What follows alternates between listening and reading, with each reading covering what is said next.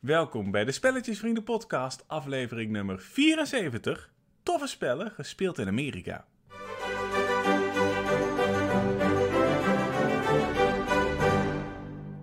We hebben die spellen natuurlijk echt in Amerika gespeeld, omdat Ja. we daar de afgelopen week op vakantie waren. Hoe was het? Het was fantastisch. Ik heb echt genoten. Het was denk ik onze beste Amerika-vakantie ever. Ja, dit is de vierde keer dat we in Amerika zijn, Ja. dus eh, ja, dat, Decadent! heel decadent. Maar de vorige keer gingen we langer. Ja. En meestal gingen er ook wat dingen mis. Ik weet nog de eerste keer in Amerika Ja, dat is toen. echt... Hoe lang is dat geleden? En dat is zeven jaar geleden, denk ik. Toen werd Eh, jij nee, langer. ziek. En, ja, toen, eh, nee, ik, ja, ik was eigenlijk al ziek toen ik ging. Dus de eerste week heb ik eigenlijk niet echt meegekregen. Nee, de tweede keer naar Amerika, toen werd ik een beetje ziekjes. Ja. En de derde keer hadden we slecht weer. Ja, en niet een beetje, maar hier hebben we al vaker over verteld. Gewoon, dat was onze huwelijksreis. Echt elke dag alleen maar zeiken. En niet een beetje regen, maar gewoon echt regen. Dus dat was heel onhandig, want zeg maar iedere hike die je wilde lopen, daar was nu een rivier. Ja, eh, maar dit keer hadden we dat niet. We hadden Nee. geen ziekte, we hadden geen slecht weer. We hadden heerlijk weer. Mhm. We hebben leuke dingen gedaan. Het was inderdaad gewoon top. Korte recap? Ja, eh, we begonnen, we vlogen op Charlotte. En eh, daarmee reden we uiteindelijk naar de Great Smoky Mountain voor de eerste dag met beren. Ja, de eerste dag hebben we gewoon wilde beren gezien. Dat was echt ziek. Wij proberen echt al, nou, sinds we samen zijn, dus een jaar of twaalf, beren te zien. En we hebben echt al een paar keer gekeken op plekken waarvan we dan wisten dat ze zaten. Uiteraard op afstand of vanuit de auto. Maar nu dachten we, we gaan gewoon nog een poging wagen. Eh, als je bij de Great Smoky Mountains aankomt, dan adverteren ze ook eigenlijk gewoon met beren. Want overal zie je beren, berenbeelden, berenplaatjes. Overal, hier zitten beren. Dus we dachten, nou, als we ze nu nog niet gaan zien, dan worden we gek. Ja, maar we dachten even dat het misging, want het duurde Ja. heel lang voordat we beren gingen zien. We gingen eigenlijk naar het heiligdom van de beren toe. Dat was een, een rondje van Ja. zo'n 11 kilometer, waar je stapvoets met de auto ging rijden, echt. rond ging kijken en op de uitkijk ging staan of je een beer tegenkwam.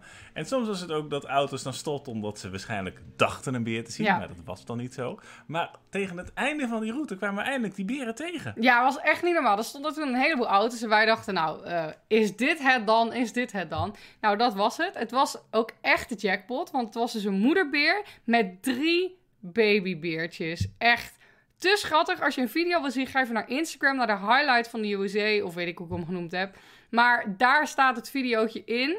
Die is heel erg ingezoomd. Dus wij staan echt een miljoen kilometer verder weg. Want ik heb echt, zeg maar, oude mensenstijl heel erg ingezoomd. Zeg maar, zoals echt maximaal ingezoomd op mijn telefoon. Zeker. En dan zie je dus die moeder, zeg maar... Nou ja, in eerste instantie zat ze in de berm, maar in die video zie je dat ze de weg oploopt. En dan op een gegeven moment gaat een van die kleine babybeertjes, die rent naar de berm en die doet zo'n huppeltje. Nou, ik dacht echt dat ik dood ging van schattigheid. Ja, en als je goed luistert, dan kun je die beren horen zeggen, hey, de spelletjesvrienden. Ja, die ken ik. Die ken ik inderdaad. We hebben namelijk ook veel berenvolgers. Dat weten weinig mensen. Maar we zijn in de berencommunity zijn we echt booming business. Ja, zijn we echt booming Zijn business? groot. Oh, ja, sinds we Berenpark gedeeld hebben, is het echt in één keer omhoog gegaan. Ja, nou, ik was wel verbaasd dat ze in die nationale parken het spel Parks niet verkopen. Dat vond ik een ik dacht, wat is dit voor gemiste kans? Ja, maar goed. eh, dat was de Great Smoky Mountains. Toen gingen we van de natuurlijke beren naar de plastische chirurgie van Dolly Parton Ja. in Dollywood. Ja, dat was een tip van volger Colin. En ik was heel blij dat hij dat zei. Want ik had daar denk ik echt niet eh, rekening mee gehouden dat het daar was. Hij houdt heel erg van pretparken. Wij houden heel erg van themaparken. Dat zeg ik bewust, want we houden niet van enge achtbanen. Want jij, ja, excuse my friends, maar jij kotst jezelf al leeg op de schommel. En ik wou dat het overdreven was.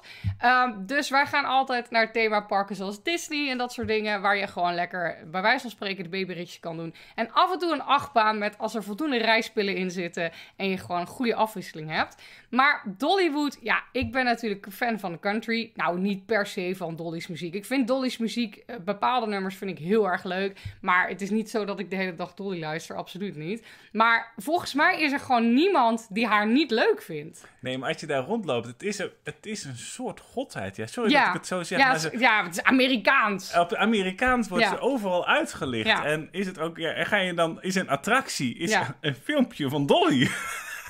Toch? Het was zo fantastisch. Ja, dan zit Ja. je met z'n allen daar in een soort... Ja, zo, zo- Dolly die letterlijk door de weide huppelt, alsof ze Ja. in de Sound of Music zit. En het filmpje is, is duidelijk 20 jaar oud. Want het, Ik denk zag- ouder. Ja, ze zag ze nog is behoorlijk uit. prikkig terug, inderdaad. Ja, eh, maar goed, dus dat is een attractie. Maar er waren ook een aantal, want daar was het denk ik ook eh, een populair park. Of is het een populair park. Er zijn echt heel veel achtbanen. Waaronder een paar knettere stijlen en enge. Daar verbleek de Efteling bij. Ja, echt wel negen achtbanen waren er. Ja, zoiets. Grote achtbanen. Dat ja. waren ook, eigenlijk waren het voornamelijk hele hoogsnelle achtbanen. En een paar muziekdingen. Ja.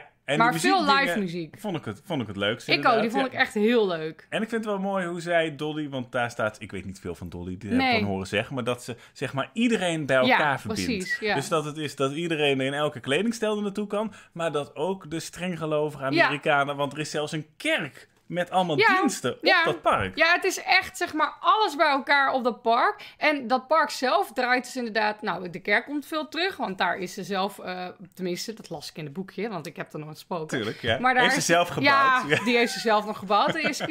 Ja. Ehm, eh, eh, maar inderdaad, die muziek kwam natuurlijk ook heel veel terug. Want ja, haha, je hebt een artiest waar je een park van bouwt. Dus dan moet die muziek natuurlijk terugkomen. En dus die achtbanen, nou, die vindt ze blijkbaar ook leuk. Ja. Geen idee waarom die er zijn. Maar ja, wij vonden het echt hysterisch. En we, we- ik vond het echt... Nou, dat is dus echt iets waarvan je dus je hele leven zegt... Oh ja, toen gingen we naar Dollywood. Dat was echt hilarisch. Ja, precies. Is het onmisbaar? Nou, als je van themapark houdt wel, maar... Ja, als je van achtbanen houdt, zou ik er sowieso naartoe gaan. Ja. Eh, is het onmisbaar? Nee, absoluut niet. Maar het was grappig. Jazeker. En daarna Oh, we vergeten één heel belangrijk ding. vergeten we een belangrijk ding. Het kaneelbrood. Het kaneelbrood. Ja, sorry, maar daar moeten we echt even bij stilstaan. Ja, we, even, dit is een klein rubriekje. De beste smaak van Nederland. Dan gaan we Ja. het hebben over eten. En eh, dit keer hebben we het over eh, kaneelbrood. Ja, even kijken wat er onder de klos zit. Hé, hey, ja. het is een kaneelbrood. Het kaneelbrood van Dolly Parton. Ja. Ik denk dat het, dat het Ja. in haar overtje gemaakt is. Ja, maar ik, zeg, ik zeg het er even bij, want om eerlijk te zijn, werd het niet echt duidelijk uitgelicht daar. nee. Maar wederom had Colin tegen ons gezegd, als je daar dan bent, eet het kaneelbrood. En ik dacht, nou ja, een eettip, dat laat ik me niet twee keer zeggen. Dus wij gingen daar heel optimistisch een bakkertje in, want ik dacht, nou, waar is het kaneelbrood? Bij het bakkertje. Dus wij gingen daar echt zo eh, het kaneelbrood bestellen. En toen deed hij een overtje open. Haalde die daar gewoon, nou, ik denk de grootte van een suikerbrood ongeveer. Een klein, klein suikerbrood, zo'n vers suikerbroodje. In zo'n aluminium tinnetje, zeg maar. Haalde die warm uit de oven. Toen dacht ik, oeh, dit kan wel eens lekker worden. Is jij goed uit? Dit kan wel eens lekker worden. Nou, en dan krijg je dan bij eigenlijk een klein beetje zoals je dat toetje bij de domino's kan bestellen. Allemaal non-spon. Daar zit toch ook zo'n bakje met wit suiker, wit zacht suiker eigenlijk gewoon in. Dat kreeg je erbij. En wij dachten, we nemen een stukje. Nee, we namen niet een stukje. We hebben gewoon het hele brood in één keer opgefroten. Tuurlijk! Het was een van de beste dingen die ik in mijn leven op heb, hoor. Ik Want dacht dat suikerbrood op, de, de- Och. op zijn tijd lekker was. Ik Dit kom was fantastisch. terug. Ja, dus dat was eigenlijk het hoogtepunt van Dolly. Het was als ik eerlijk Echt, ben. echt. Ja, ik denk het wel. Eh, daarna gingen we, toen we het suikerbrood achter ons lieten, gingen we naar Nee, kaneelbrood Nashville dus. toe. Eh kaneelbrood, Ja. inderdaad. Naar Nashville toe. En eh, Nashville is logisch dat we daar naartoe moesten, want dat is eigenlijk de country hoofdstad van de wereld. En allebei zijn we wel op een of andere manier fan van die muziek. En we zijn er geweest naar de Country Music Hall of Fame. Dat was fantastisch.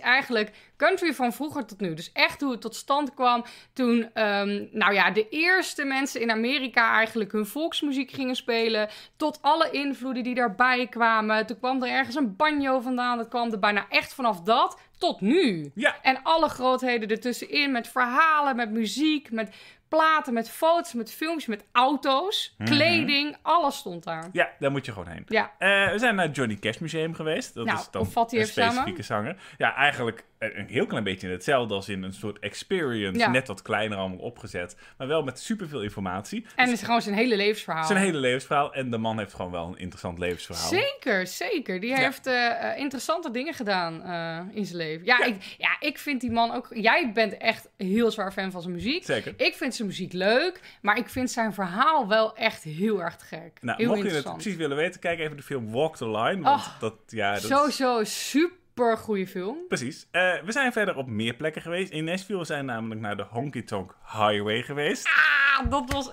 Ja, de- hoe omschrijf je dat? Je, nou, je- iedereen kent de strip in Las Vegas. Niet per Mhm. se van dat je er geweest bent, maar iedereen weet wat het is. Zeg maar de straat met alle casino's en gekkigheid en eh, herrie en lichtjes. Dat is de strip in Las Vegas. Nou, in Nashville heb je dus de Honky Tonk Highway. Dat is een stuk straat eigenlijk. Ehm, ik denk drie blokken, zoals ze het in Amerika noemen. Drie huizenblokken lang, zeg maar. En dat is dan de Honky Tonk Highway. Nou, daar zijn minstens evenveel lichtjes eh, en muziek als op de strip. En wat is dat nou? Dat zijn eigenlijk allemaal kroegen langs naast elkaar. Of nou, iets groter dan een kroeg. Maar gewoon restaurants slash kroegjes naast elkaar. Die hebben allemaal ramen slash deuren aan die Hangtank Highway. Die staan allemaal open. Als je daar voor het eerst op loopt, dan denk je echt, wat een herrie. Want overal komt muziek vandaan. En echt best wel hard. En iedere kroeg probeert je naar binnen te lokken met hun eigen live muziek. Dus uit die ramen zie je mensen live spelen. Soms kan je drumstel bij wijze van spreken aanraken. Niet heel handig, want dan hoor je dus vooral de drum op straat. En eigenlijk probeert iedereen je naar binnen te lokken met andere muziek. Er zijn denk ik één of twee barren die dan zeg maar normale muziek draaien. Dus een beetje pophits of zeg maar, nou ja, wat een band op een bruiloft zou draaien. Uh, en de rest speelt gewoon country van vroeger tot nu. Dus wat je dan gaat doen, je gaat kroeg hoppen. Ja, en dat doen wij normaal nooit. In Nederland is dat ons volledig nou, vreemd. Echt verschrikkelijk. Maar hier kun je inderdaad gewoon telkens naar een ander bandje toe. Een beetje rondkijken. Is het leuk? Blijf ik wat langer staan of ga ik weer door naar de volgende? En dat was wel erg leuk, twee avonden lang. Oh, het was fantastisch. Ze hebben gewoon twee van mijn allerliefste country songs aller tijden uh, gespeeld. Terwijl wij live mee gingen... Nou, niet live mee gingen, maar daar mee gingen nurien. En een beetje gingen dansen op onze manier. Alleen ja, een beetje in het rondspringen. Ruig, uh, twerken. Ja. Voor de rest getwerkt. Ja. Nee, we hebben eigenlijk gewoon de hele tijd op een stoel gezeten, sinaasappelsap gehaald en naar die muziek geluisterd. Ja, maar dat klinkt hebben... minder stoer. Ja, maar één liedje moesten we toch wel een beetje uh, dansen op onze manier. Ja, het was echt te gek, want ik ben gewoon gek op die muziek. Dus als het dan live gespeeld wordt en iedereen speelt gewoon de hele tijd de muziek die jij leuk vindt, ja, dat is gewoon fantastisch.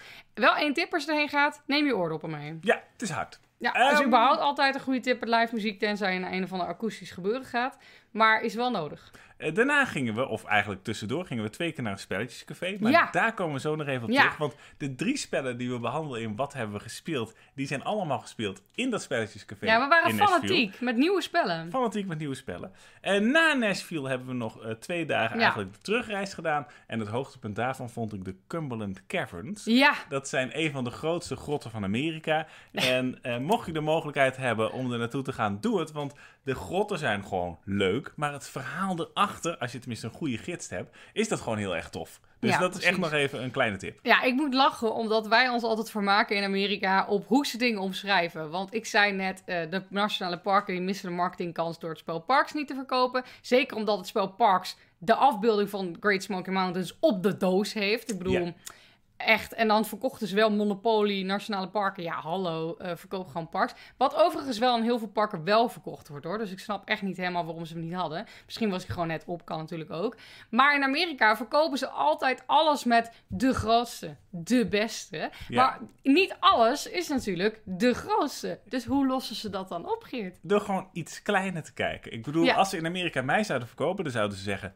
Geert, de grootste man van dit huis. Ja, precies. Ze kijken gewoon, dan zeggen ze bijvoorbeeld: dit zijn de grootste grotten in deze regio. Ja, precies. van uh, Oost-Europa, Oost of, of Oost-Amerika. Ja. ja. Nou, dus je gaat gewoon wat kleiner kijken en dan ben je altijd ergens de grootste of juist de kleinste. Of de langste. Of de langste. De ja. shinyste. Of de, ja, het is allemaal, elke keer denk je, oh, hebben we hem weer te pakken? Ja. De grootste. Zo, weer goed gegokt. Goed, uh, dat was denk ik in een notendop onze Amerika-reis. Uh, ik denk dat het tijd is om het over spellen te gaan hebben. Want uh, jullie komen hier waarschijnlijk voor bordspellen. We gaan er drie behandelen in de categorie Wat hebben we gespeeld?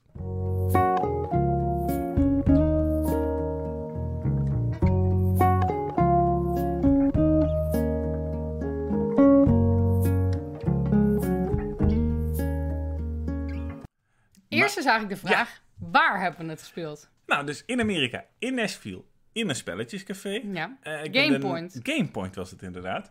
Was een goed spelletjescafé. Ja. Uh, heel veel mensen kwamen er ook gewoon om daar te zitten en iets te drinken. Niet of te werken. Ja, niet eens per se om spellen te spelen. Maar ze hadden een collectie van een paar honderd spellen. Dat ja, volgens mij meer dan 200. Ja. ja. en want uh, wij zijn al heel vaak... Eigenlijk gaan we bijna iedere vakantie, tenminste als we een grote stad aandoen... want dat is vaak wel nodig om er een te vinden...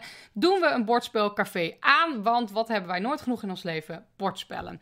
En nu gingen we dus naar uh, Gamepoint in Nashville. En dat is inderdaad een vrij groot café. Waar mensen ook voor een coffee to go uh, komen. Of die daar gewoon zitten te werken.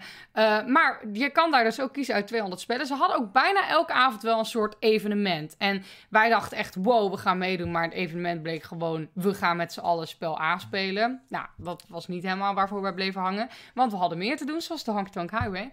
Uh, maar er stonden best wel veel uh, goede spellen. Kijk, 200 ja, sorry dat ik het zeg, maar dat is natuurlijk niks vergeleken met de collectie die wij hebben. Maar voor een bordspel, ja nee, ik bedoel, er stonden heel veel spellen die we al hadden. Ja, dat is waar. Ja, Maar omdat het in Amerika was, waren er ook best wel veel spellen die wij nooit krijgen of nog niet hebben, omdat de release daar anders zijn. Ja. Daar hebben we even goed gebruik van gemaakt. zeker. De eerste die we gespeeld hebben is Caper. En die zit volgens mij wel ergens in het assortiment. Maar die hebben we in ieder geval nog niet zelf gespeeld. Ja, we hebben ook een paar spellen gepakt waarvan we dachten, die gaan we niet zelf kopen, maar we willen hem wel even een keer proberen. Misschien worden we verrast. Ja, nou, Caper vond ik eigenlijk leuker dan ik gedacht had.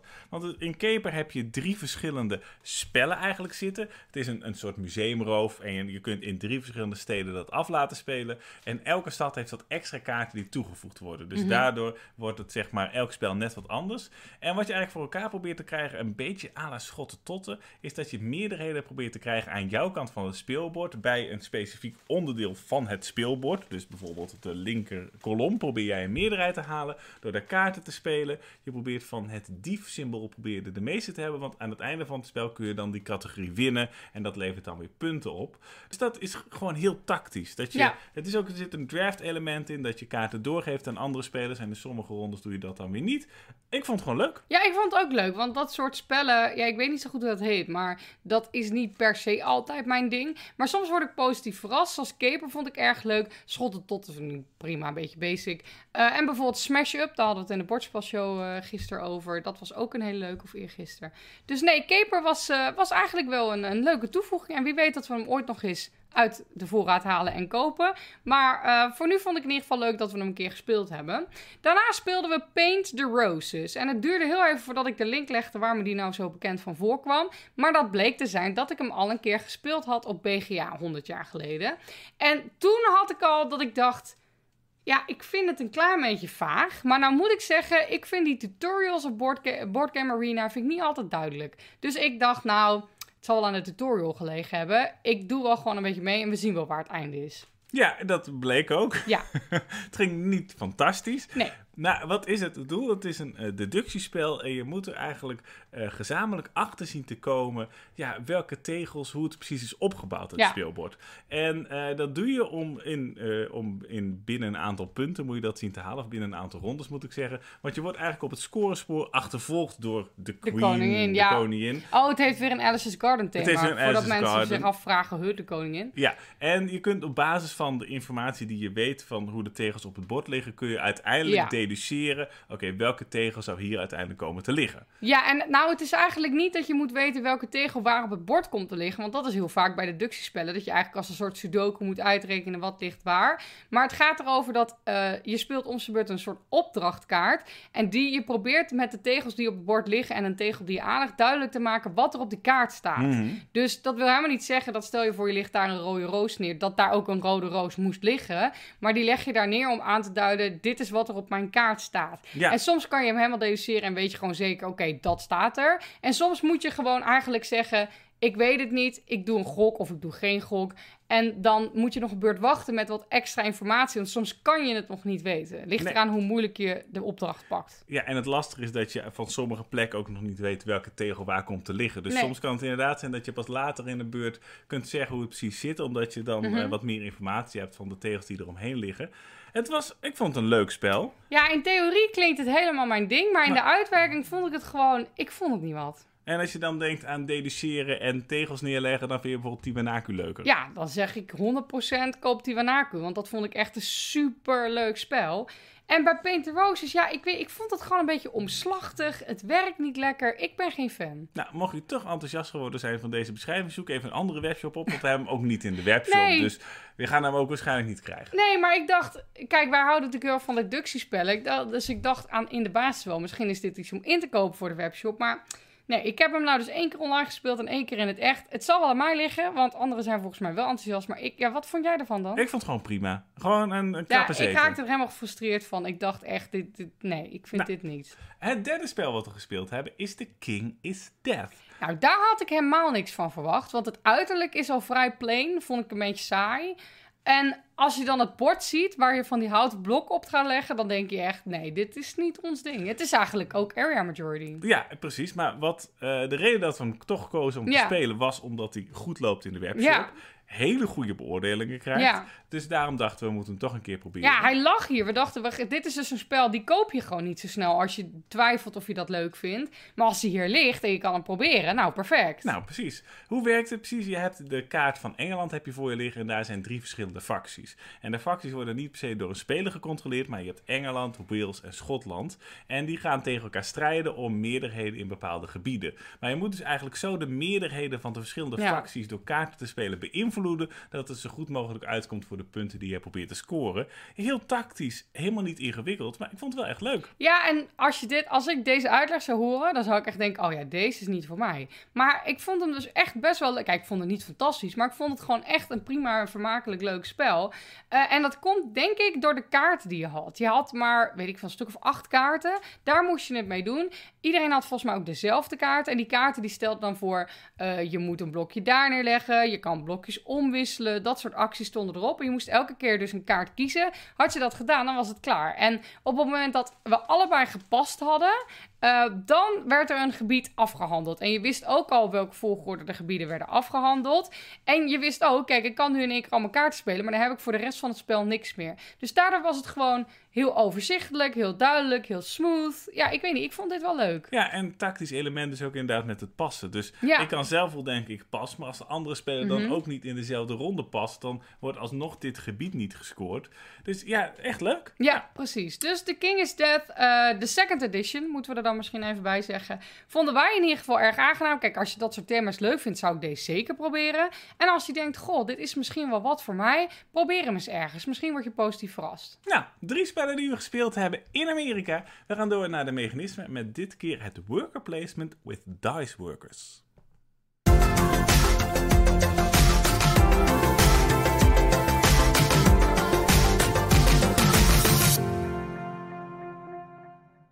Ja, worker placement is een bekend principe. Je hebt werkertjes, dat zijn meestal miepeltjes, oftewel houten poppetjes. Die zet je neer bij een actie en die betreffende actie voer je uit. Nou, dat principe kennen we eigenlijk allemaal wel, want dat komt in heel veel bordspellen voor. Bijvoorbeeld in Everdell, ik zeg maar wat. Maar worker placement with dice workers nou ja, werkt in de basis hetzelfde. In plaats van een werkertje zet je nu een dobbelsteen neer. Maar vaak heeft die dobbelsteen en dan de waarde daarvan nog wel invloed op hoe je acties uit gaat voeren. En dat is denk ik het grootste verschil. Ja, precies. Dus daardoor heb je net wat meer. Is het meestal net wat uitgebreider eigenlijk. Ja. Want naast dat je gewoon een werker plaatst, moet je ook nog rekening houden met de waarde van de dobbelsteen.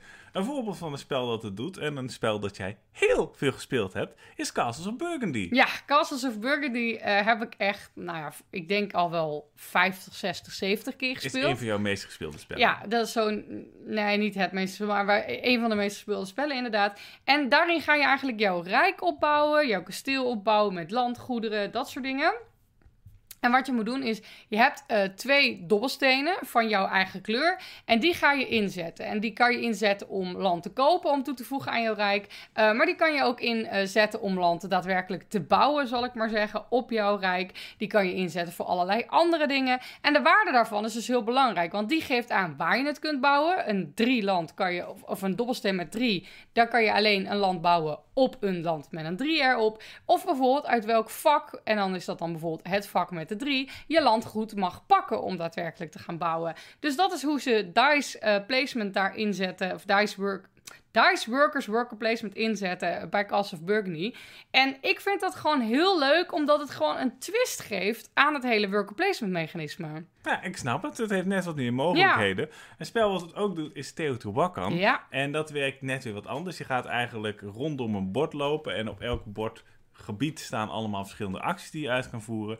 En als je dan bijvoorbeeld met een 5 terechtkomt op het gebied wat eh, goud produceert, dan geeft een tabelletje aan, oké, als je hier een 5 neerzet, dan produce- produceer je zoveel goud. Eh, het aantal dobbelstenen kan ook nog van invloed zijn op de actie. Dus dat is ook erg leuk gedaan daar. Daar probeer je dus eigenlijk zoveel mogelijk dobbelstenen in hetzelfde gebied te krijgen van een Ja. zo hoog mogelijke waarde. Dat zorgt ervoor dat de actie steeds sterker is. Ja, heel, heel, heel smooth. En überhaupt zijn die T-spellen, dus die serie met T-spellen, Daar gaat heel veel eh, dice placement eh, komt daarin voor.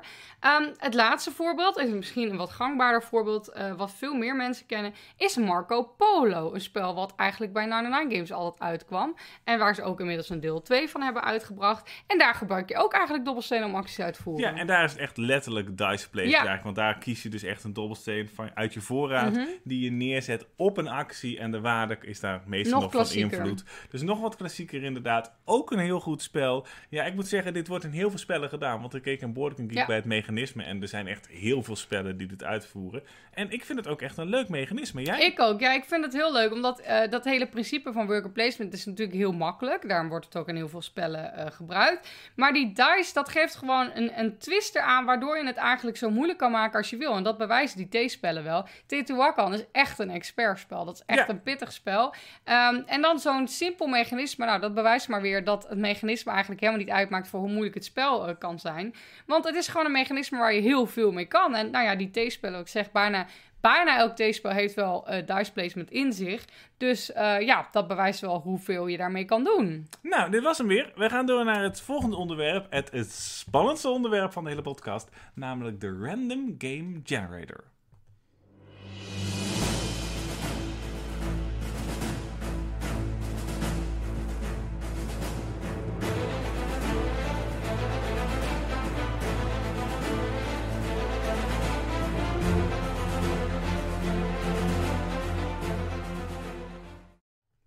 We zitten weer in de BG Stats app en ik ga weer voor de roze dobbels heen. Kom erop.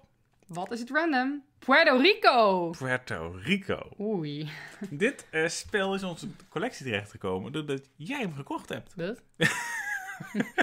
Wat? Hey, wil je mij erbij houden? Dit feitje is Marieke vergeten. Ja. Je hebt het een keer van mij een verjaardag gegeven, Puerto Rico. Oh, echt? Ja, was echt aan het begin van onze bordspelcarrière. En Heb ik zeker klassiekers opgezocht? ik denk dat je toen waarschijnlijk ook nog niet eens op Board Game Geek, maar op Bordspelmania of zoiets gekeken hebt. Van die, ja, dat is een, een Nederlandse Board Game Geek-achtige Ja, ik ken website. Boswell Maria, maar ik kan me niet voorstellen dat ik daarop gekeken heb. Maar ja. Nou, laat ik het zo zeggen. Daar staat Puerto Rico al jaren heel hoog in de Ja. lijstjes. Überhaupt in Board Game Geek staat het ook heel hoog. ja, hij heeft wel een tijdje hoog gestaan, ja. Een klassieker. Eh, en waarschijnlijk heb je gewoon op het cijfer af deze gekocht. denk ik. Ja, of ik heb gegoogeld welke spellen of welke klassiekers moet je een keer gespeeld hebben of zo. Ja, want we zitten hem een beetje in te leiden, omdat Ja. we zelf niet extreem enthousiast waren. Nee. En een van de redenen daarvoor is gewoon dat je blind kan worden van het artwork. Ja, en nou, sorry hoor, maar het, kijk, ik ben echt niet de moeilijkste. Ik kan echt over artwork heen kijken als ik mijn best doe. Ik noem een awkward guest.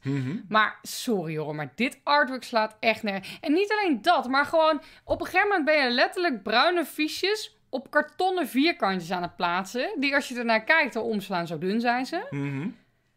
Ja, Ik, ik, heb een ik- beerput opengetrokken. ja. Ja. nou kijk, ik denk dat in de tijd dat hij uitkwam, ik weet uit mijn hoofd even niet uit Het- welk jaar die komt. Het is wel een klassieker. Hij is wel meer dan eh, ruim tien jaar oud, zeg maar. Ik denk dat hij toen heel innovatief was. Ik denk dat hij toen ook niet het super van zijn looks moest hebben. Maar ik kan me heel goed voorstellen dat iedereen toen heel enthousiast was. Ja, Maar het blijft niet overeind. Vind ik, hè? Dus dit wordt echt een eh ja, ja, hier gaan mensen Ja, heel boos om worden. hele Nee, mail. ik, denk, ik denk wel namelijk dat Puerto Rico wel een soort moordeffect kan hebben. Ik merk namelijk op het moment dat je wat nieuwe spelers rondom de tafel hebt verzameld en je zegt: Mensen, ik heb een spel gevonden. We gaan vanavond Puerto Rico spelen. Ik denk dat daarna al die spelers nooit meer een spel op tafel durven leggen. Nee, dat denk ik dus ook. Het, ziet er, het ziet gewoon echt saai uit. Ja, Laten het- we eerlijk ja. zijn. Maar wat ik weet ook nog, kijk, ik heb hem heel lang geleden gespeeld. Ja. Maar ik weet dat er een paar dingen in zaten waarvan ik dacht: dit kan eigenlijk niet. Dit is te sterk, dit werkt niet. Ja, Dit, dit, dit vermoordt het spel. Ja, en ik denk, laat ik het zo zeggen, als je hem nu zeg maar voor het eerst spelen en als je dan echt oprecht enthousiast Ik bent over Puerto Rico, Uitlachen in je gezicht. Oh, sorry.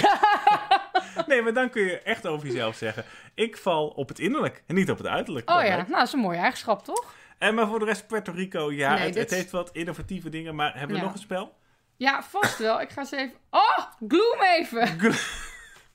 Ja, maar hey, zullen we het eens een keer over Gloomhaven hebben? Daar hebben we het nooit over. we hebben deze stats-app niet nodig om het over Gloomhaven te hebben, Nee, toch? maar we kunnen wel even samenvatten als een van de beste spellen ooit gemaakt. Episch. Het is eh, het spel met die doos van 10 kilo speelmateriaal. Het is fantastisch. Mensen vinden het duur, maar prijskwaliteit is absoluut niet duur. Ik ben heel benieuwd, zijn er mensen die de campagne hebben uitgespeeld? Want wij, Wij. hebben, laat ik het zo zeggen, we hebben niet elk... Er zijn nog een paar scenario's over Mac, die je als eh, losse eh, scenario's kan spelen. Mhm. Maar wij hebben een klein klopje op onze schouders. Het scenario en de campagne dus uitgespeeld, omdat Ja. we het einde gehaald hebben, zijn er meer mensen die luisteren die dat ook gehaald Ben hebben. ik ook benieuwd naar. Ja. En hoeveel zin heb je in Frosthaven? Heel veel zin. Oh, Nou, die staat ik nog eentje doen? op mijn wishlist. Ja, nog eentje. Pandemic Fall of Rome. Oeh, kijk, we hebben best wat pandemic varianten gespeeld. Mhm. En eh, er zitten ook een aantal historische varianten in. Zelfs ook een, eh, een historische variant die in Nederland, eh, Nederland Ja. afspeelt. Deze speelt in Italië en omgeving af en gaat dus over het oude Rome. Ja, de echte En- Romeinen. Ja, het gaat dus dan meer over legerblokjes die je Ja. verzamelt. Dus als je het speelbord ziet en het verzamelen en het verplaatsen van de blokjes, dan zie je gewoon duidelijk, dit heeft met pandemic te maken. Ja. Maar ondanks dat we het één of twee keer gespeeld hebben en ik het niet precies uit kan leggen, Nee. weet ik wel dat dit echt een leuke variant was. Ja, maar ik vond het volgens mij niet de leukste Pandemic. Ik Dat dacht klopt. wel, oh ja, dit is weer een leuke variant. Ja. Maar hij is wel zoveel weg van de andere versies dat ik niet dacht, deze vind ik zo vernieuwend. Ik zit even te denken welke ik vernieuwender vond. Nou, ik vond Hot Zone was niet vernieuwender, maar vond ik wel leuker dan het origineel. Dus Mhm. dat heeft toch wel wel props. Ja, we hebben natuurlijk Rapid Response gespeeld. Dat is die hele snelle. Dat was echt niet mijn ding. Die was wel vernieuwd, maar niet best. Nee, precies. Wat hebben we nou nog meer gedaan? Nog zo eentje die niet, dat wat zeg maar niet met de classic te maken heeft, maar een oh, twist. je bedoelt de Star Wars. Ja, dus Die bedoelde ik denk ik niet, maar die vond ik echt te dat gek. is echt de, de leukste variant Ja. inderdaad. Nou, zo zie je maar drie spellen. Ja. Een super fantastisch spel, een redelijk spel en een poepspel. Dus eh, ik denk dat iedereen eh, weer wat heeft om naar uit te Nou, kijken. iedereen is denk ik weer hartstikke tevreden hoor. En iedereen die eh, Puerto Rico leuk vindt, luistert nu niet meer. Nee, goed, een klein woordje van onze sponsoren. En daarna komen we terug met een gloedje nieuw spel dat direct hoog op onze wishlist staat. Ben jij net zo gek op bordspellen als wij? Sluit je dan aan bij de gezelligste club van Nederland. Als lid van de DSV-club krijg je niet alleen meer korting, meer aanbiedingen en meer video's. Je krijgt ook toegang tot de DSV-club Telegram-groepen. En dat betekent iedere dag kletsen over bordspellen, snel nieuws ontvangen over de nieuwste releases, de nieuwste Kickstarters bespreken, spellen tweedehands kopen en verkopen, elkaar helpen met de spelregels. De clubchat staat geen moment stil en het is serieus de leukste groep ooit. Oh, en wist je dat we ook nog een clubdag hebben? Super gezellig. Baby, you give me ice and fire.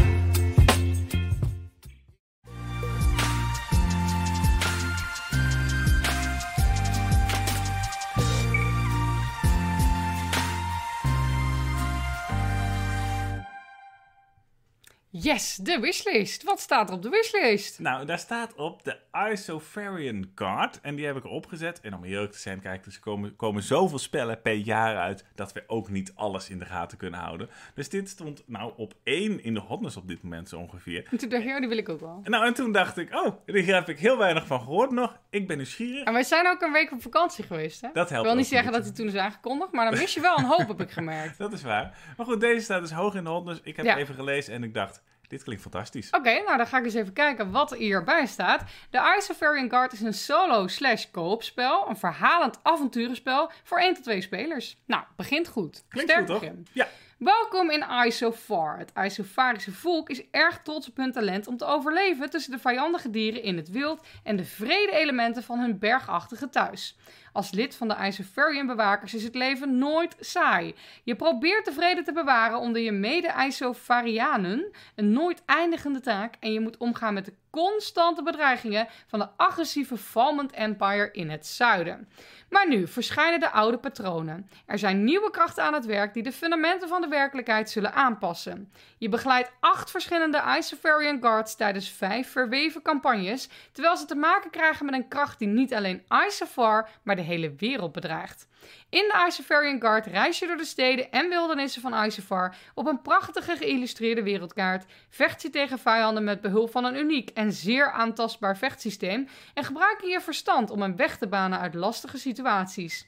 Terwijl je belangrijke allianties smeet, zullen er kansen voor je ontstaan om een sterke uitrusting te maken, nieuwe krachten te verwerven en het lot te betreden waartoe je bent geroepen. Nou, hoe klinkt dit? Dit klinkt goed. Dit krijgt op Game Geek, hou je even vast, ga goed zitten, een 9,2. Wat? Met En- hoeveel reviews? Nou, meer dan 100 in ieder geval.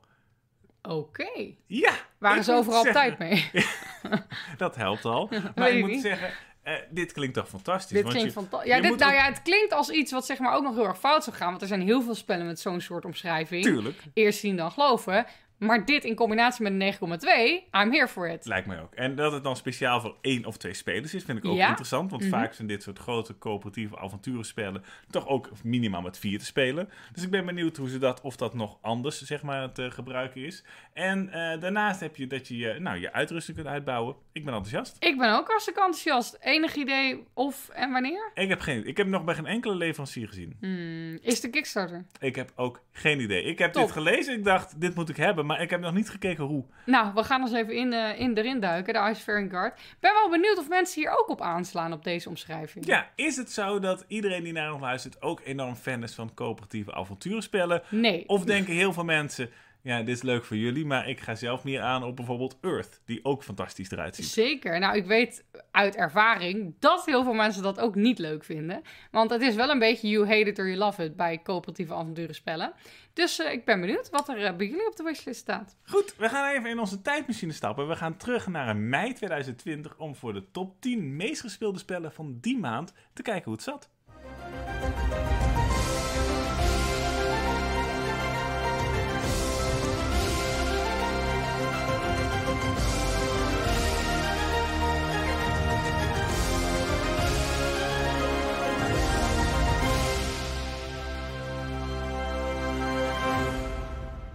Zeg grootste man van het huis. Ehm, Ja. Soms denk ik, hoe kom je hierbij? Jij dacht, een top 10 moet ik hebben. Van meest gespeeld, op basis van tijd. Leuk idee. Ja, Maar dan van mei 2020? nou, kijk, eh, jouw meest gestelde vragen bij top 10 die we in de podcast doen is eigenlijk waarom? Ja, de hele waarom ben ik? Ja. top 2000, waar Ja, ik zelf waarom? heel enthousiast over ben. Daarbij Ja. denk jij, waarom? Ja. En eh, kijk, als we heel eerlijk zijn, we moeten misschien iets opbiechten over de top 10's in de podcast. Want de top 10's in de podcast, die moeten leuk zijn om naar te luisteren, maar niet zo interessant dat we er geen apart filmpje van willen maken. Dat is... Dat is toch wel hoe het zit, of niet? Want vaak denken we, oh, dat is fantastisch. Maar dan denken we, dat is leuk om een apart filmpje te maken. Nou, Je dan wil wordt een YouTube-hitje. Ja, je wil niet twee keer Nee. dezelfde hebben. Zeg maar de top 10. v- Nou ja, wel, we kunnen natuurlijk de top 10 familiespellen. Die kan wel weer een korte update gebruiken. Die Ja. kunnen we een keer hierin doen. Maar als je echt interessante top 10's wil luisteren.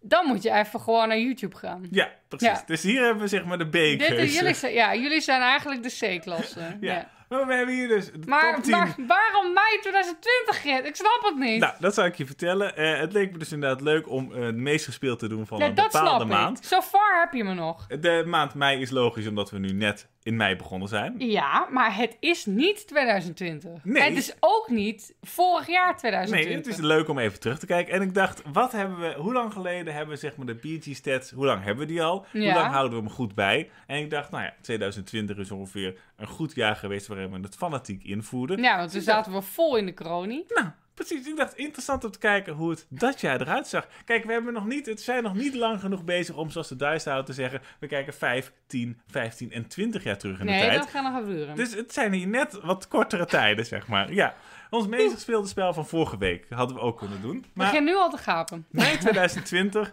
op nummertje 10, staat Watergate. Ja, nou, ik moet zeggen, ik vind het wel leuk. Want ik heb natuurlijk ook geen idee meer wat we toen veel speelden. Precies. Maar Watergate dus.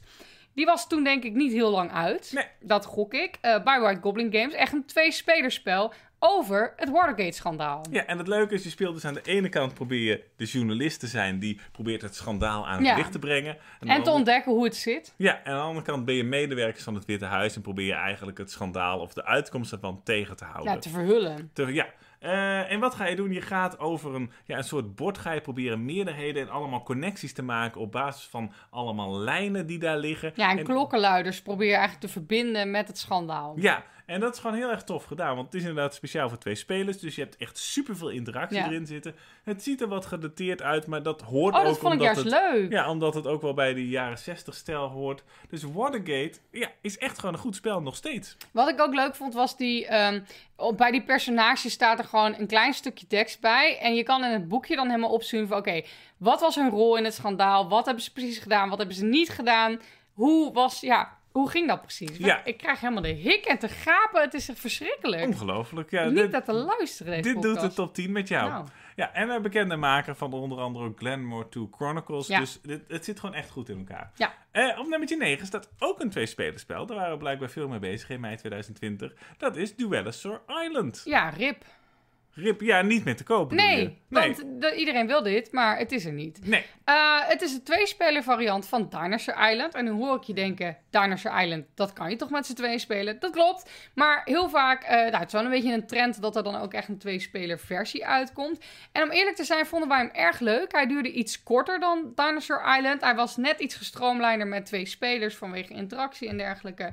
Eh, dus dat zat gewoon goed in elkaar. Het was geen wereld van verschil, maar in de mechanismen en dergelijke zat er gewoon voldoende eh, eh, verschil in. En wat wij vooral merkten is dat we op welk moment we welke speelden. Dinosaur Island is veel uitgebreider, daar kan je veel meer de diepte in. Dus die pakten we er toen echt vooral bij als we zeg maar de tijd hadden of thuis waren. Duellister Island hebben we, en dat was fanatiek, maar toch, ook meegenomen op de camping. We hadden toen in die tijd of in ieder geval rond die tijd, hadden we een tijdje dat we echt veel weekendjes gingen kamperen. Ik denk omdat corona zo aan was dat we nog niet ver weg konden of zo. Ik weet niet precies waarom.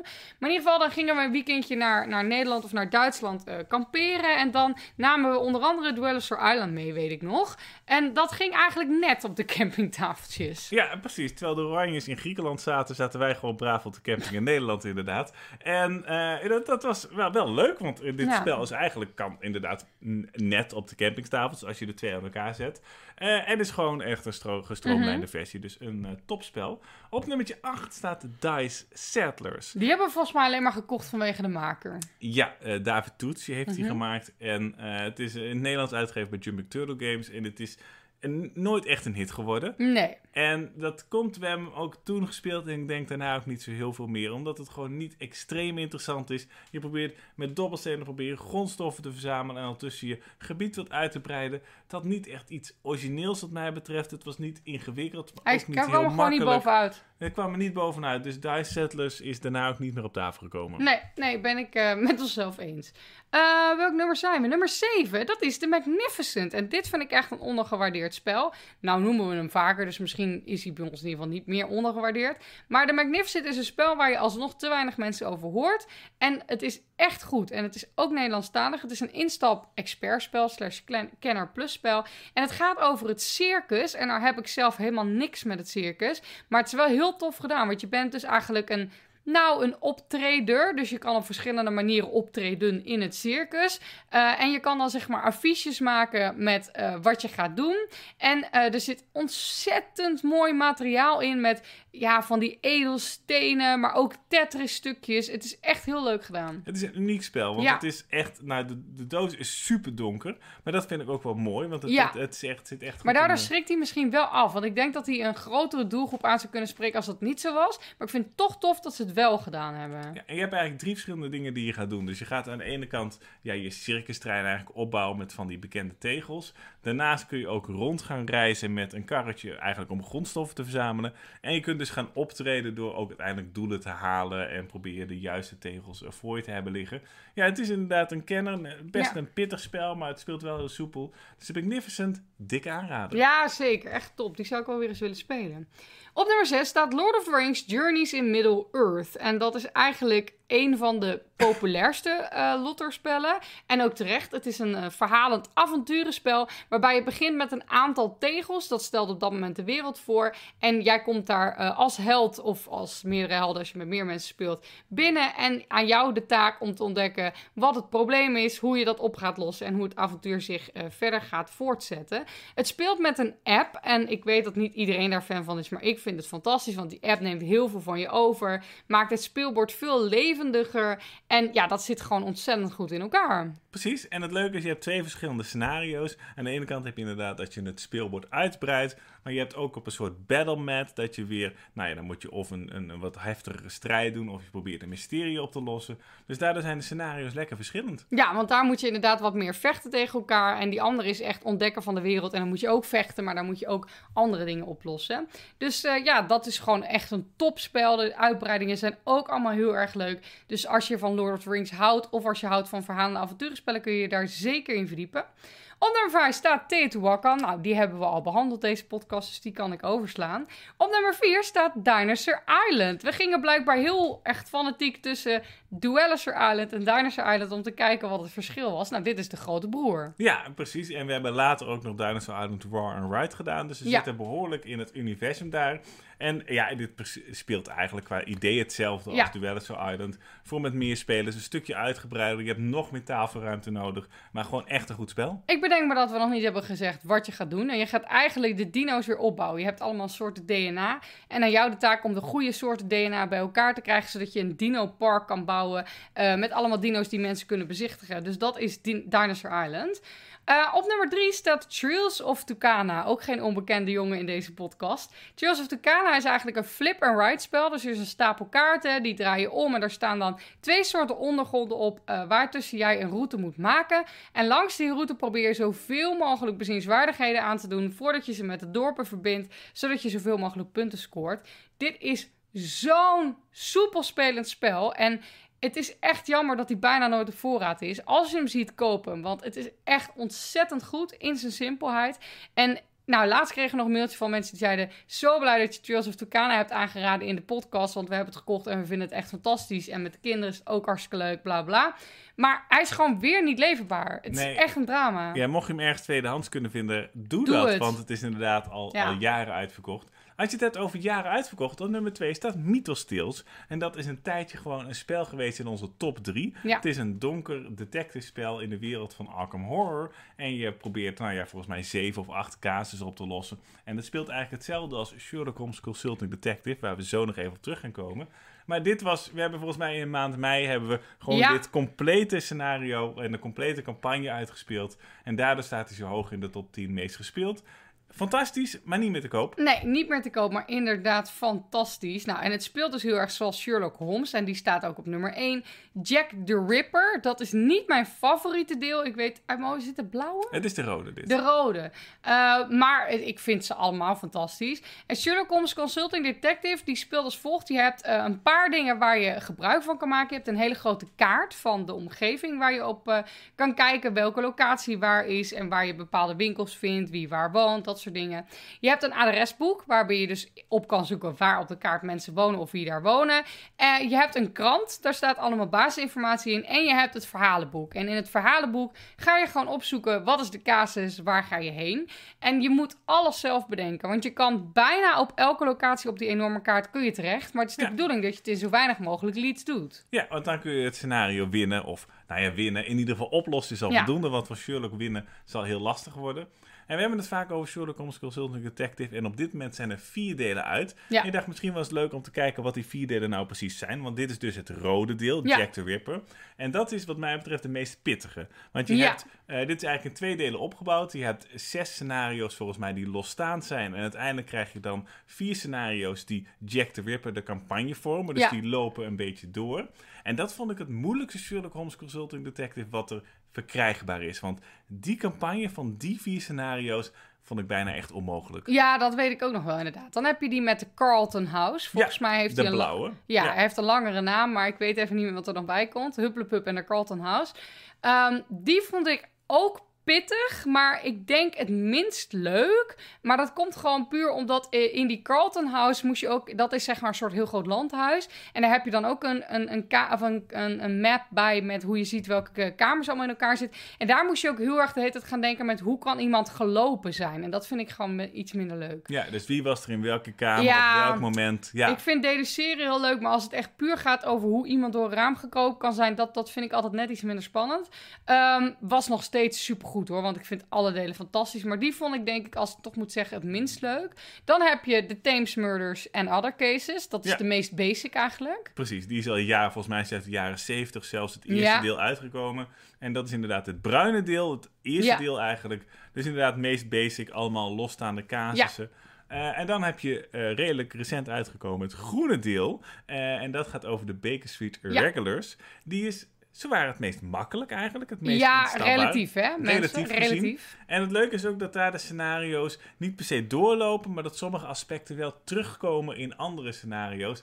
En dat was mijn favoriet. Dat was veruit mijn favoriet. Die vond ik echt heel leuk. Die zat heel goed in elkaar. Die verhalen die klopten allemaal. Eh, ja, hij was dus inderdaad het relatief makkelijkst. Dus het beste om mee in te stappen. Dus daar zou ik ook van aanraden om daarbij in te stappen. In het groene deel, dus de Baker Street Irregulars. Precies. Goed, dit waren de top 10 meest gespeelde spellen. Nog even noemen, op basis van tijd ging het om. In mei 2020 gaan we door naar een luisteraarsvraag van Francis.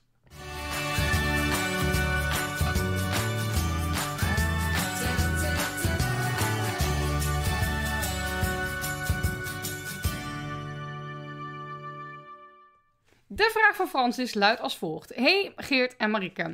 Net weer de video gekeken van alle nieuwe spelletjes die naar de woonkamer gaan. Misschien is een vraag voor in de bordspelshow. Hoe doen jullie dat met aanschaf van nieuwe spellen? Hebben jullie een budget? Kijken jullie vooruit wat er verwacht wordt? En kijken jullie dan wat zouden we graag willen aanschaffen? Voor hoeveel is dat dan? En natuurlijk is het bij jullie ook anders omdat privé en zakelijk door elkaar gaan. Er is soms zoveel wat uitkomt en wat je aanspreekt, dus vandaar mijn vraag. Misschien hebben anderen hier ook tips in hoe ze dat doen, of gewoon je bankrekening plunderen. Liefs, Francis. Ja, het Nou. is dus niet de bordspelshow geworden, maar de podcast. Nee, ja, en want ze zegt eh, spelletjes die naar de woonkamer gaan, moeten we misschien heel even uitleggen voor mensen die echt alleen de podcast luisteren. Dat zijn best veel mensen. Ja, het is als volgt. We hebben een spelletjes woonkamer, zoals we het zelf noemen, eh, bij ons magazijn. Eén keer in de maand, gemiddeld gezien, kun je daar langskomen als je een ticket koopt via onze website. Om spellen te spelen. Daar liggen meer dan duizend spellen die je gewoon kunt proberen, op tafel kunt leggen. En eh, waar je dan ondertussen gebruik van kan maken. Ja. En we maken dus regelmatig een video met nieuwe spellen die daar naartoe gaan. Ja, want er zijn best veel mensen die komen heel vaak. En voor hen is het al super chill om te weten: oké, wat is er nieuw en wat kan ik nu daar gaan spelen en uitproberen. Met het idee dat je de spellen kunt uitproberen voordat je ze koopt. Kijk, je kan ook voor de gezelligheid komen, dat is ook heel leuk. Maar daar wordt denk ik het meest gebruik van gemaakt. Mensen die denken: ja, sommige spellen zijn gewoon echt krankjorum duur. En als je dan twijfelt of het wat voor je is, dan is het gewoon chill als je het gewoon even kan proberen. Dan weet je het en dan kan je beslissen: oké, dit is wel of niet wat voor mij. En het is natuurlijk ook gewoon voor de gezelligheid. Maar dat is dus de spelletjeswoonkamer. Eh, en die video kreeg ze dus voor een nieuwe wishlist. Maar ik denk eigenlijk dat we deze vraag op twee manieren moeten opdelen. Want eerst, hoe was het voordat we de spelletjesvrienden hadden en hoe is het nu? Ja, nou, voordat we de spelletjesvrienden hadden, zeker in onze studententijd, Ja. probeerden we al spellen te kopen. En toen probeerden we het zo goedkoop mogelijk te doen, want we Ja. hadden niet heel veel geld. Dus bijvoorbeeld Marktplaats was onze grootste vriend. Ik ben wel eens, ja, op de racefiets ben ik wel eens helemaal naar Nijmegen gefietst. En dat was, nou, toch een klein uurtje heen en een klein uurtje terug. Om twee uitbreidingen van Catan op te halen. Ja, Ja, daar waren we toen nog. ja, precies. Eh, en we probeerden, eh, probeerden bijvoorbeeld via Marktplaats alle uitbreidingen van Carcassonne te kopen in één keer. En werden we kaart opgelicht omdat die nooit verstuurd werden. Ja, Dus dat soort jammer. dingen hebben niet. allemaal eh, meegemaakt om toch spellen te kunnen spelen met een klein budget. Ja, en eh, daarna hadden we natuurlijk een iets groter budget, maar nog steeds geen enorm budget. En dan eh, gingen we eh, eigenlijk ook veel overleggen met vrienden. Dus dan gingen we eerst kijken, oké, wat zouden we zelf willen spelen? Maar sommige spellen wisten we al van, hey, die gaan we spelen met die en die groep. Nou, spoiler alert, dat waren Ferdi en Saskia. En wat we toen ook deden, dat is misschien wel een goede tip, is dat we een soort co-ouderschap hadden. Dus eh, sommige spellen, daar wist je van, die spelen we voornamelijk met z'n vieren. Dus die, dan konden we gewoon de ene keer kocht het een het stellet en de andere keer kocht het andere stellet. En van andere spellen wisten we al bijvoorbeeld, zoals bijvoorbeeld met Pandemic hadden we een co-ouderschap. Die hebben we samen gekocht, het basisspel. En dan eh, had de ene het en dan gingen zij hem heel veel spelen. En dan op een gegeven moment kwam die weer naar de ander en dan gingen zij het heel veel spelen. En zo gingen we dat een beetje zo delen. Dus dat was ook nog wel een goede tip. Ehm, ja, en verder eh, eh, gingen we gewoon heel goed uitzoeken welke spellen we wel en niet leuk vinden. Dus dan gingen we helemaal erin duiken met is dit ons mechanisme? En nou, eigenlijk wat mensen nu nog steeds doen, merk ik in de club. Gewoon heel veel video's kijken, is dit wat? Boardgame Geek uitspitten hoe het met de mechanismen zit. Kijken wat andere mensen ervan vinden. En op een gegeven moment vind je wel iemand die dan zeg maar jouw stijl heeft. Dus die bijna precies leuk vindt wat jij leuk vindt. En dan weet je, als die het aanraadt, dan vinden wij het ook leuk. Ja, maar toen ging de wereld voor ons open. Want toen begonnen we, nou eigenlijk een stuk daarna, de Nou. spelletjesvrienden. Ja. En toen konden we natuurlijk, dat was een voordeel voor ons, nou, voor inkoopprijs de spellen aan ons toevoegen. Maar goed, kost het nog steeds geld. Ja, ja want eh, ik, wij krijgen nu ook wel eens spellen. eh, en soms is het krijgen en soms is het semi-krijgen. Eh, eh, meestal is het semi-krijgen. En dat betekent dat bij veel uitgevers, als je er bijvoorbeeld 12 inkoopt, krijg je er de, ene, de eerste keer dat je dat doet, krijg je er een demo bij. En dat is niet alleen voor ons, dat is voor alle winkels die daar inkopen. Ehm, en dat betekent dat je met die demo kan je hem zeg maar, als je een winkel hebt, is dan het idee, die leg je in de winkel. En dan kunnen mensen hem dus uitproberen of in ieder geval bekijken. Want het is gewoon super chill als je ook kan zien wat er in de doos zit. Ehm, en in ons geval betekent dat, eh, die demo, die gaan wij eerst zelf spelen. Dan gaan we er social media posts over maken, wellicht een video over maken. En dan komt hij al heel snel in de woonkamer te liggen, waar we het eerder over hadden. En dan kunnen jullie hem dus uitproberen. Dus in ons geval liggen al die spellen liggen in de woonkamer. Eh, dus dat is eh, al, nou ja, dat gebeurt best regelmatig. Ik denk dat we twee spellen per maand op die manier krijgen. Ja, zoiets inderdaad. Dus dat, ja, het is nog maar een klein percentage in principe van de spellen die binnenkomen. Ja, en je betaalt er natuurlijk indirect ook voor. Want ik bedoel, dat die actie... Ja, dat is net als met iedere actie in iedere winkel. Je betaalt er natuurlijk indirect zelf voor. Maar dat geeft niks.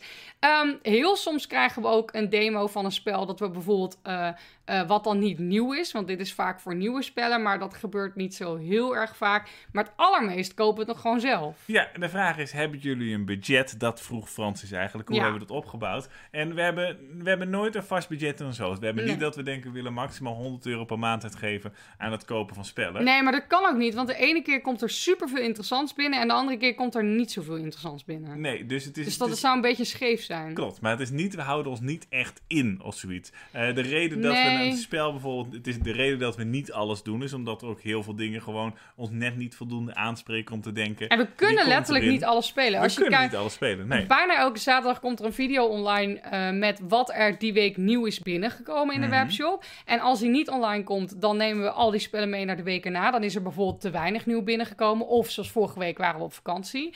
Dus aanstaande zaterdag zal er een, of volgende week als we er tijd voor hebben. Maar komt er in ieder geval er komt een lange video met veel nieuwe spellen eh, komt online. Echt niet al die spellen krijgen wij. Wij krijgen er dan misschien, nou als het een goede buit is, vijf. En als het een relatief oké buiten één of twee van de misschien wel 30 spellen. Want we kunnen echt niet alles spelen. Maar ondanks dat we dus misschien niet een budget hebben, en dat is gewoon letterlijk omdat. Ah, als wij het niet delen, als wij het niet spelen en we delen er niks over op social media, dan verkopen wij het ook niet. Of in ieder geval bijna niet. Dus het is voor ons heel belangrijk dat we die spellen kopen en delen. Dus dat is een beetje een andere insteek dan hoe andere mensen het doen. Maar dat wil niet zeggen dat we alles kiezen. Want A, we hebben niet tijd om alles te spelen. En B, we vinden niet alles leuk. En natuurlijk zijn we altijd eerlijk. Maar we kiezen natuurlijk wel spelen, spellen waarvan we denken dat we het leuk vinden. Want waarom zouden we een spel spelen wat we niet leuk vinden? En dan moeten we vervolgens negatief zijn. Daar heb ik toch helemaal geen zin in. Ik heb toch zin om leuke spellen te spelen. Precies. Dus we kiezen vooral spellen die we, waarvan wij denken dat gaan we heel leuk vinden.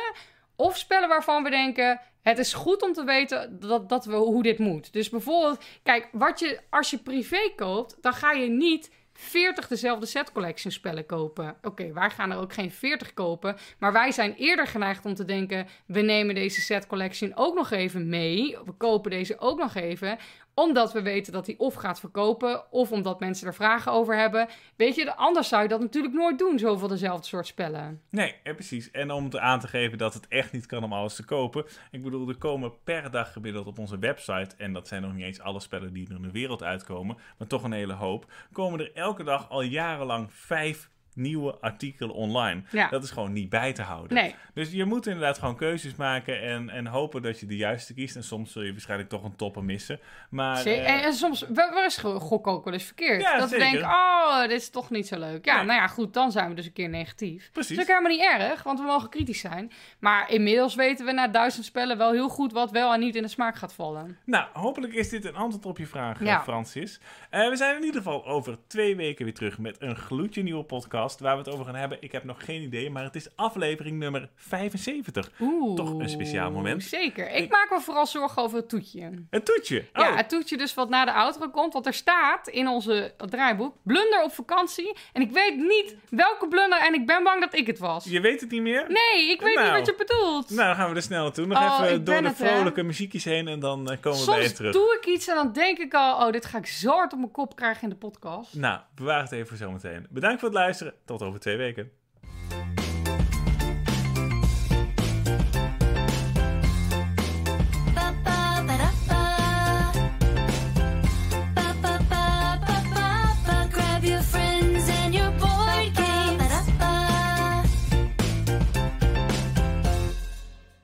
Zeg het maar. Wat heb ik gedaan? Nee, het is dit keer niet voor jou. Oh, Nee, het is oh niet dan ben jou. ik al eerst. Oh, geïnteresseerd. Dat is ook een klein blundertje, maar wel echt extreem ongemakkelijk. En ik ben benieuwd of mensen dit wel eens hebben meegemaakt. Was, Eh, weet ik dit? Ja, dit weet je. Je was erbij. Het ging Oh. als volgt. Kijk, eh, toen we naar Amerika gingen, dan gingen we natuurlijk een auto huren. Want we gaan niet met de loopfiets.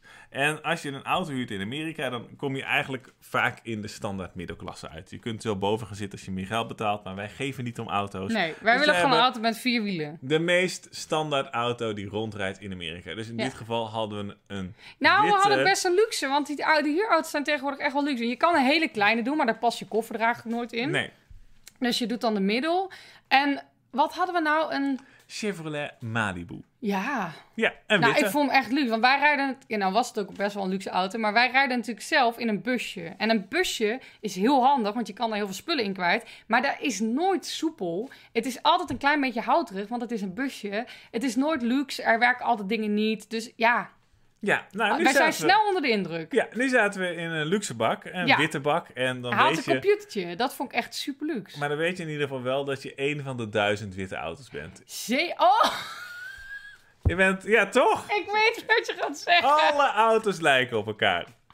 Ja, Het was zo ongemakkelijk. Ja. ja. Dus, nou ja, Ja. Dan, dan kan het wel eens voorkomen dat je op een parkeerplaats even aan het zoeken bent naar je auto. Want Ja. je denkt, ik heb Ja. geen idee welke witte auto ik heb. Maar daar hebben Amerikanen een trucje op verzonnen. Ja. Want kijk, die hebben natuurlijk allemaal van alles is daar groot. Dus ook de parkeerplaatsen. En ze hebben allemaal een witte auto. Dus zij hebben allemaal, misschien hebben de hippe auto's dat in Nederland inmiddels ook wel, dat weet ik niet. Waarschijnlijk wel. Die hebben zo'n tutertje, een toetertje zitten er op het, het, het hand, op, hoe heet het, op het sleuteldingetje. Ja. Waar dan geen sleutel meer in zit tegenwoordig, maar dat dingetje. En dan tutert die naar je. Dan weet je, hé, hey, daar is mijn witte auto. Ja. Dat is de mijne. Kleine tip, gebruik het altijd. Ja. Want je kunt het verkeerd Ook hebben. als je denkt, hé, hey, dit is hem. Ja, dat ging namelijk volgt. Wij, wij liepen naar een witte auto toe, waarvan we dachten dat Ja. het onze auto Ja. was. Dus ik liep er naartoe. Ik, Ja. deed, ik ging aan de bestuurderskant zitten. Ik deed de deur open. Ik deed mijn kontje zo al, hup, hup, mijn kontje zo naar binnen toe. En, en vlak voordat ik mijn kont op wat van ik dacht dat de stoel was,